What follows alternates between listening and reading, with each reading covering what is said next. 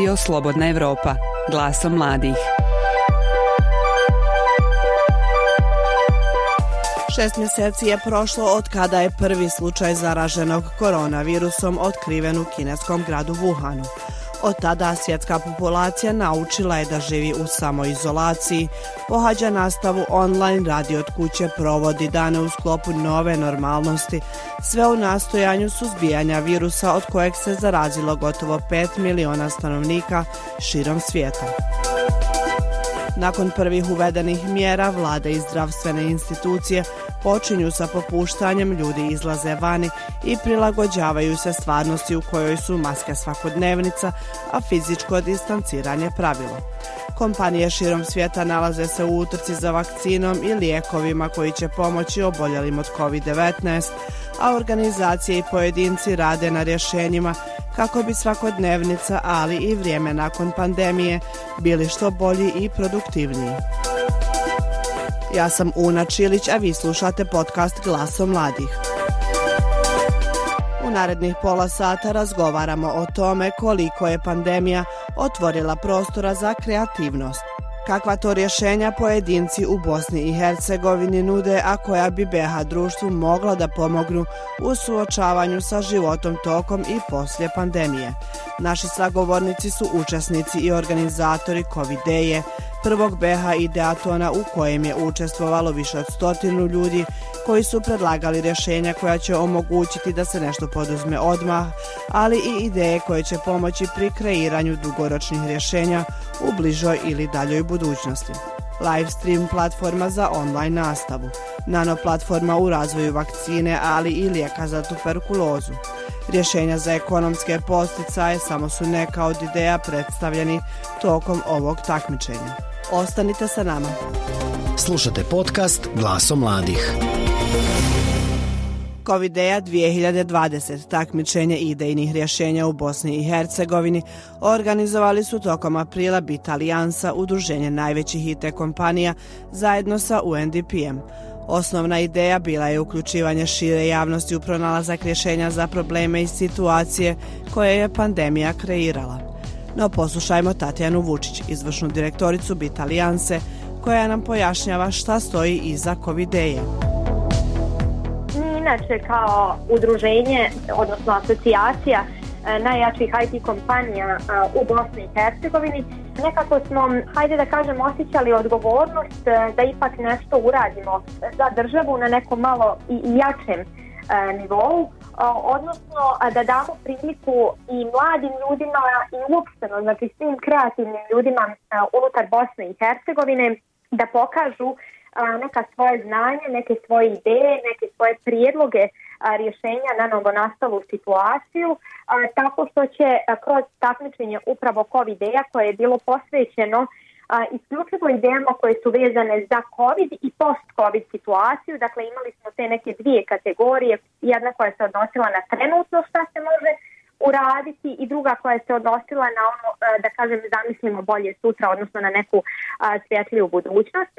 Tako da smo mi u suštini htjeli da budemo tu kao strateški partner u NDP-u koji je također nadošao na ideju da se napravi neki hakaton ili ideaton i na kraju smo u stvari dogovorili da to bude zajednički prvi ideaton u Bosni i Hercegovini, odnosno prvo takmičenje ideja od kojih bismo onda izabrali u svakoj od ove navedene dvije kategorije, dakle kao što sam rekla, preduzmimo nešto sada i zamislimo bolje sutra, da po tri najbolja prijavljena projekta, odnosno ideje, prođu u dalju realizaciju i da onda zajedno sa ostalim partnerima, u međuvremenu se nama onda javimo, pošto smo mi to popularizovali i u medijima, nama se javilo oko 15-20 partnera različitih univerziteta i organizacija, i institucija i ministarstava i komora privrednih i internacionalnih organizacija i tako dalje, tako da je to stvarno se proširilo onako na jedan jako, jako bogat spektar e, različitih aktera koji stvarno svaki iz nekog svog aspekta bili su mogućnosti da pomognu u realizaciji nekih e, od ideja koji su e, tada proglašene. Tako da smo mi u suštini imali za cilj krajnji da angažujemo što veći broj ljudi koji su bili spremni da u, u takvoj novonastaloj situaciji kaosu kakav je bio i, i sve nas zadesio, nažalost, a, u stvari izraze svoju kreativnost i a, da izvučemo ono maksimalno a, iz ljudi koji su bili poprilično deprimirani zbog tog zatvoreništva, da kažem, na koje smo svi bili osuđeni u, našim kućama i da zaista učine nešto za boljitak svih građana Bosne i Hercegovine, institucija i tako dalje. I u ovom trenutku i u trenucima svim koji slijede a, nakon ove pandemije, s obzirom da nam onda stvarno slijedi ovaj neki ekonomski preokret koji nimalo neće biti lak za izreći.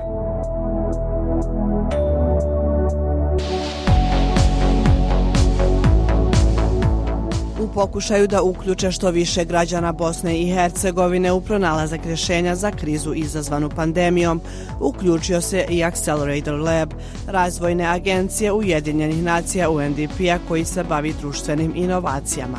Slušamo Arijanu Drinić-Tomić, voditeljku istraživanja Accelerator Laba, koja nam govori o tome šta je bio cilj ovog takmičenja. Mi smo u stvari željeli da napravimo nešto što će povezati zajednicu, otkriti potencijal kolektivne inteligencije građana i građanke u Bosni i Hercegovini, te stvariti taj neki prostor za zajedničko definisanje rješenja na novo nastale izazove i probleme. Pozvali smo sve sa idejom da predlože rješenja kroz dvije kategorije. Jedna je bila poduzimo nešto sada, a druga je bila zamislimo bolju budućnost.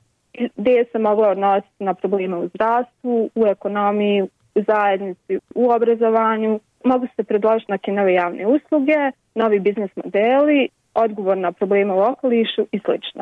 A u izazovu se zaista mogu da učestvuju svi. Osobe svih uzrasta, pojedinačno ili u timu, neformalne grupe, organizacije civilnog društva, predstavnici privatnog sektora, akademske zajednice, medija i sl.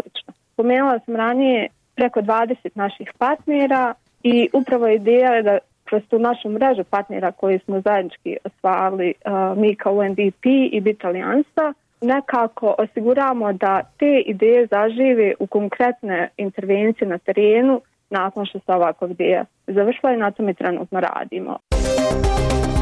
Slušate glasom mladih. Takmičenje Covideja se tokom mjeseca aprila uključilo 109 takmičara i takmičarki koji su željeli predstaviti svoja idejna rješenja za neke od problema sa kojima smo se svi suočili tokom pandemije. Nakon javnog glasanja, ali i evaluacije od strane stručnog žirija, početkom maja odabrani su pobjednici u kategorijama Poduzmimo nešto sada i zamislimo bolju budućnost. Dženan Kovačić pobjednik je u kategoriji Poduzmimo nešto sada sa svojom idejom Volt nanoplatforma kao vakcina za SARS-CoV infekcije i kao terapeutik za potencijalnu aktivaciju tuberkuloze kod COVID-19 pacijenata. O čemu se tačno radi, reći će nam Dženan.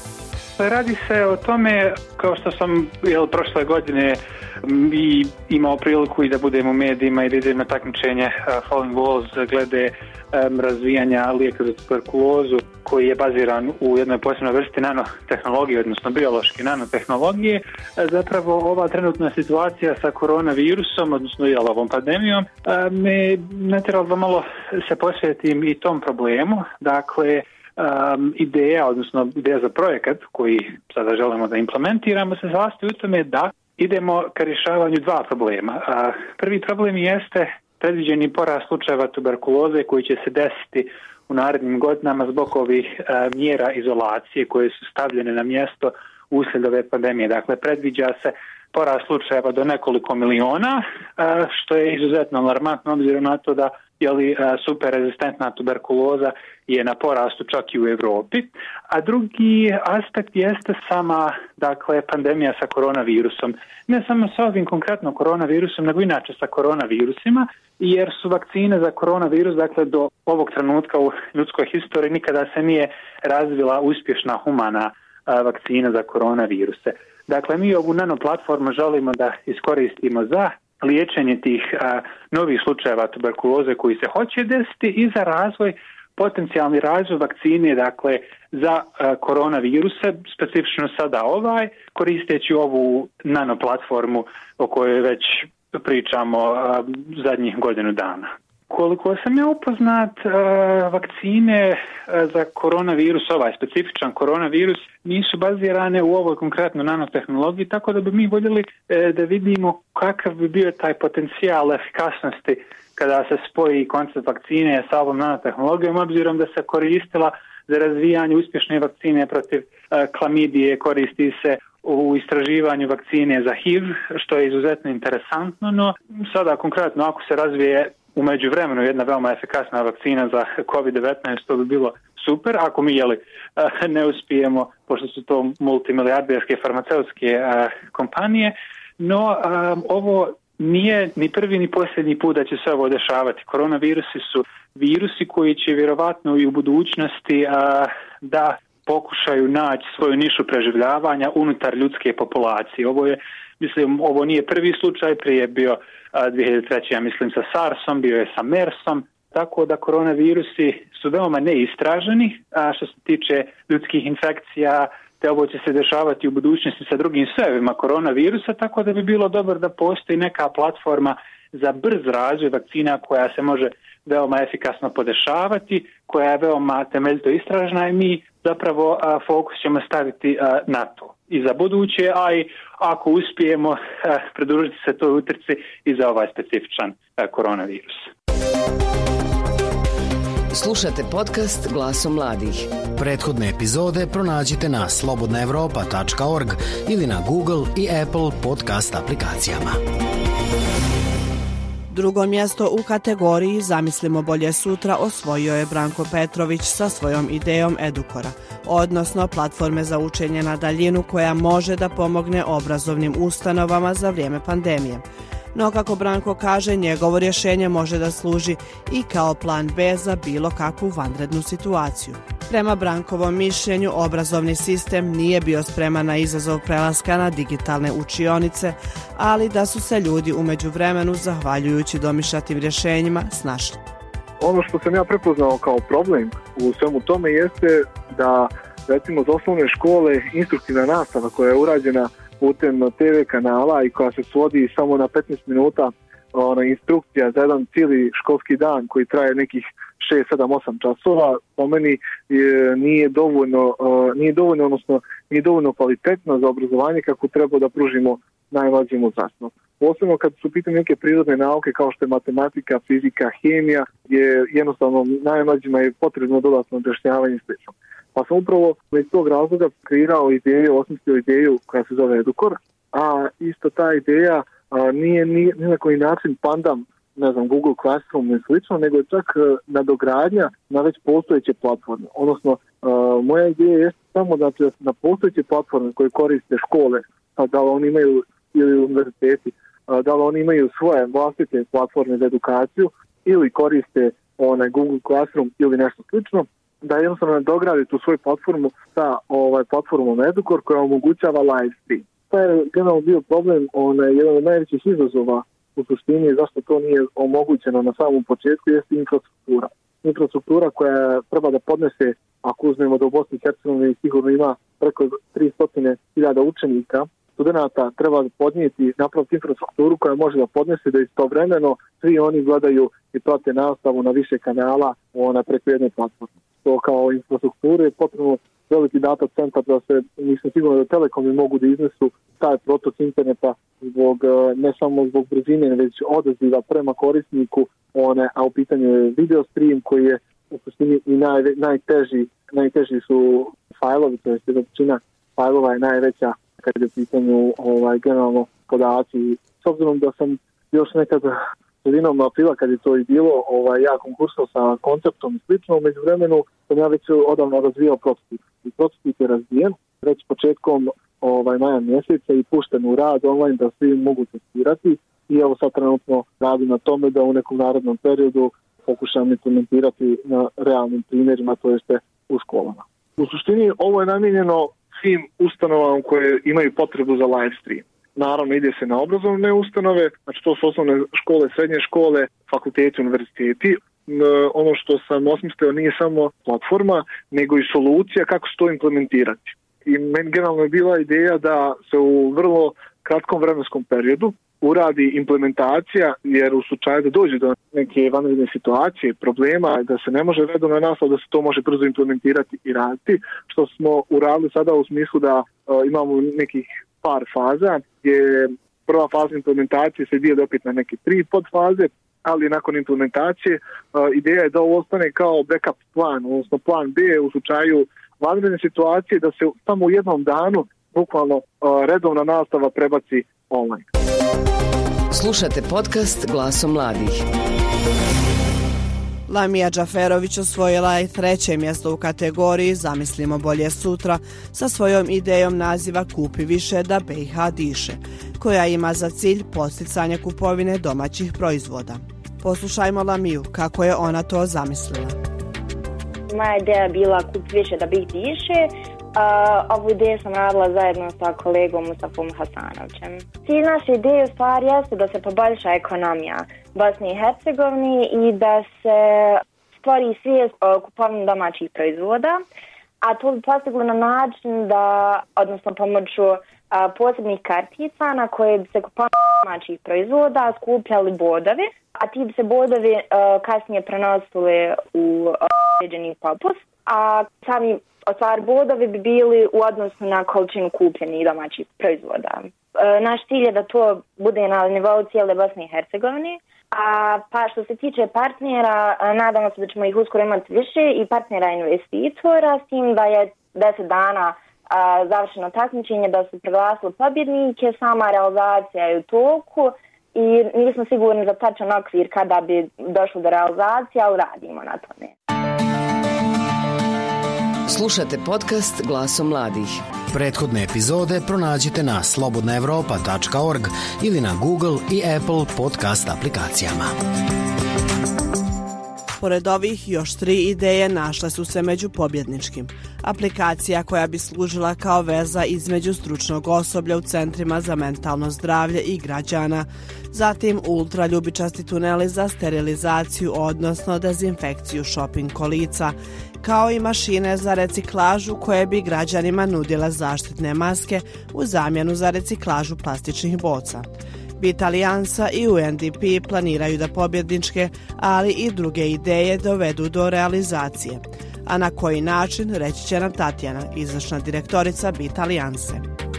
Ono što mi sada radimo trenutno, a, pregovaramo znači, u cijelom ovom sad periodu nakon proglašenja a, pobjednika, mi pregovaramo sa svim partnerskim organizacijama i institucijama, dakle UNDP i Bit Alijanse zajedno pregovaraju.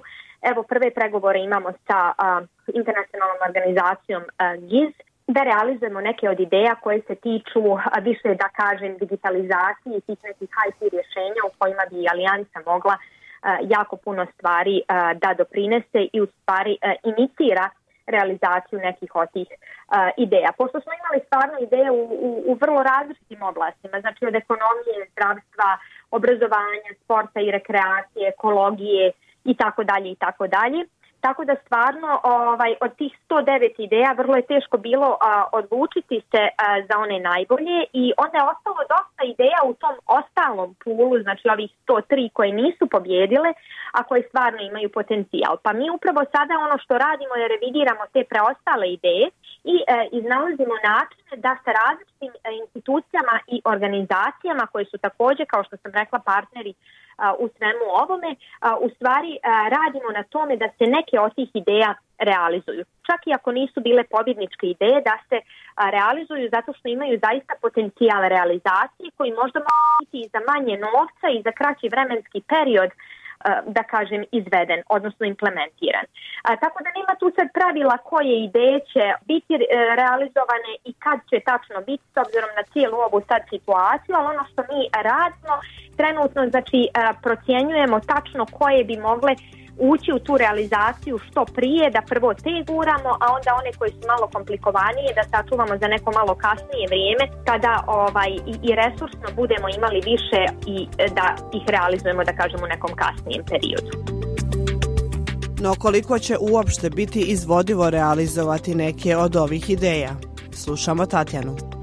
Kažem, opet to sve zavisi od ideje do ideje i zavisi naravno od spremnosti institucija da takve stvari podrže, jer nije tu samo ni, ni do BIT alijance, niti do UNDP-a, niti do ovih organizacija, mm -hmm. već je puno više do te neke zakonske implementacije nekih od tih stvari, jer neke od tih ideja zaista traže, da kažem, odobrenje od strane resornog ministarstva za tu određenu ideju da bude realizovana.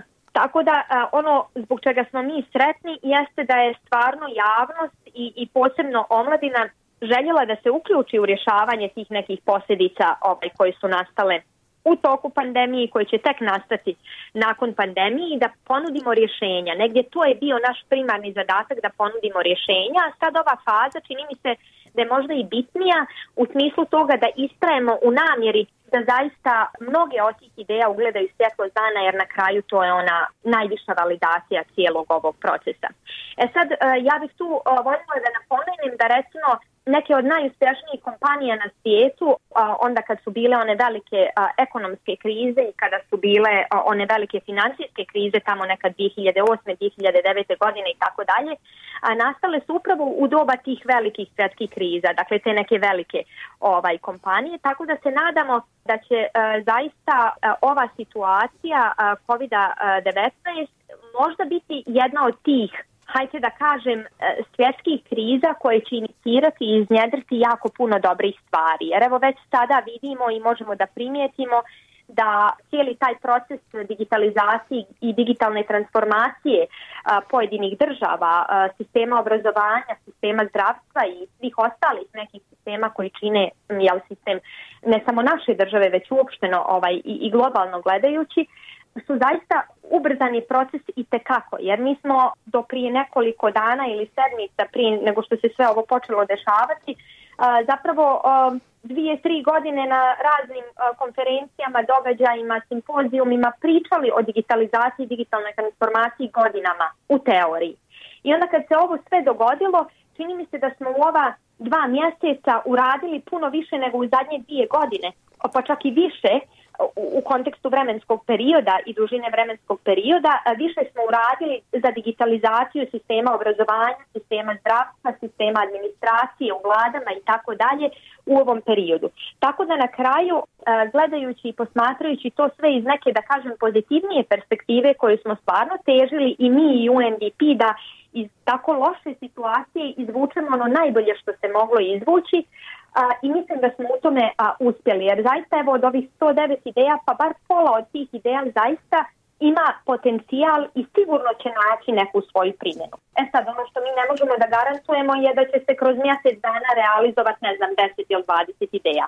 Ali ono što možemo da garantujemo jeste da ćemo biti zaista, kao što sam već i napomenula, veoma istrajni u tom procesu i da ćemo zaista inicirati sve te naše partnere u projektu, jer oni tu nisu bili samo onako partneri da bi bili u žiriju i tako dalje, već zaista ispred svake partnerske institucije upravo su ljudi sjedili u žiriju koji je onda imao pristup svemu tome da bi se upravo iskristalisale ideje i koje ne pobjede da u nekoj narednoj iteraciji a, dobiju mogućnost da budu spojeni sa organizacijama koje bi učestvovale u implementaciji, da li u financijskoj podršci, da li u logističkoj podršci ili bilo koje vrsti a, podrške koja bi bila značajna za neke od tih ideja.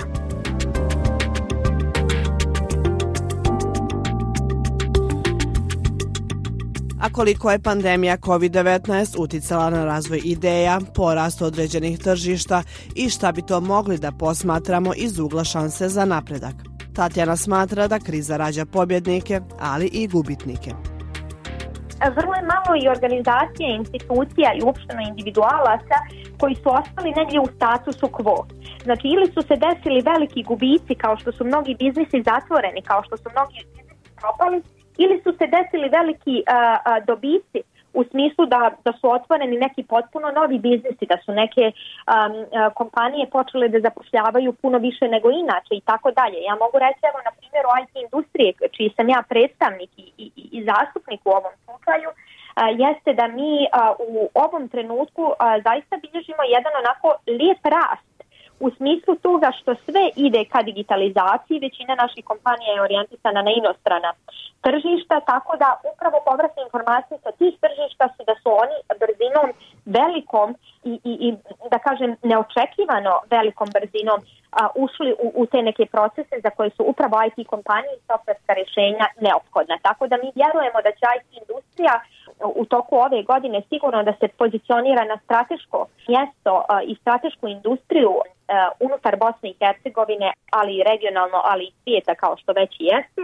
I povesti, ajde da kažem, tu, tu lidersku konotaciju u, u daljem razvoju ne samo IT industrije, već uopšteno ekonomije Bosne i Hercegovine i cjelokupnog napretka i boljitka Bosne i Hercegovine.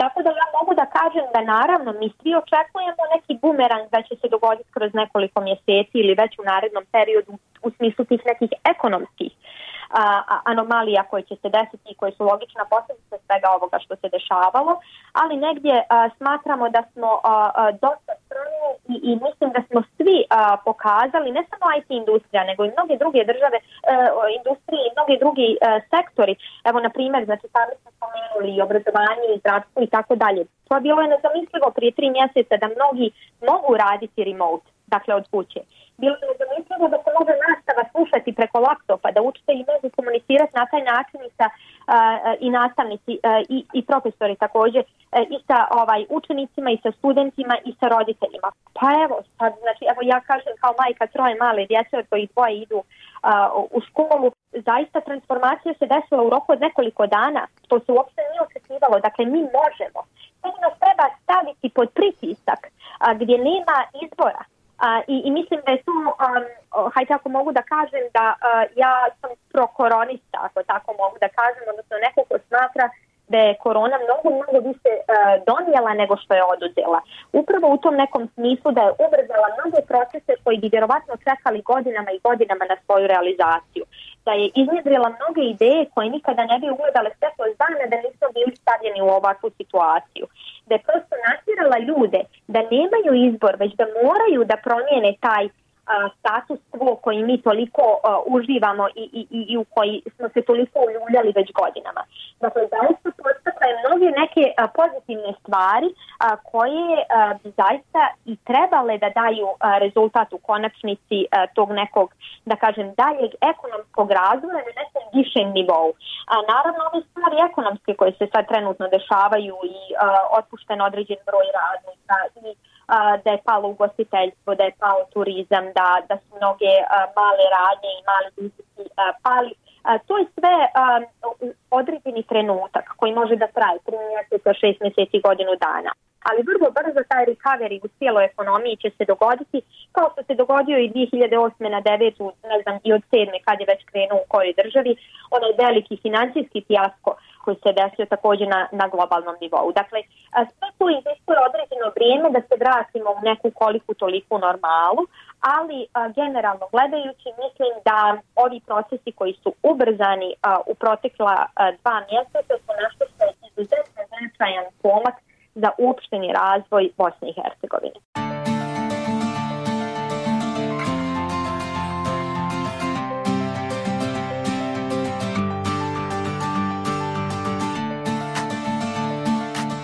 To bi bilo sve u ovom izdanju. Ja sam Una Čilić, a vi ste slušali podcast Glaso mladih. Ostanite i dalje sa nama. Ukoliko ste propustili prethodne epizode, možete ih pronaći na našem sajtu ili na Google i Apple podcast aplikacijama. Naše druge sadržaje također možete pronaći na slobodnaevropa.org, na društvenim mrežama Facebooku, Twitteru, Instagramu i YouTubeu, gdje svakodnevno objavljujemo i posljednje informacije o pandemiji COVID-19. Sa vama smo i naredne sedmice. Doviđenja.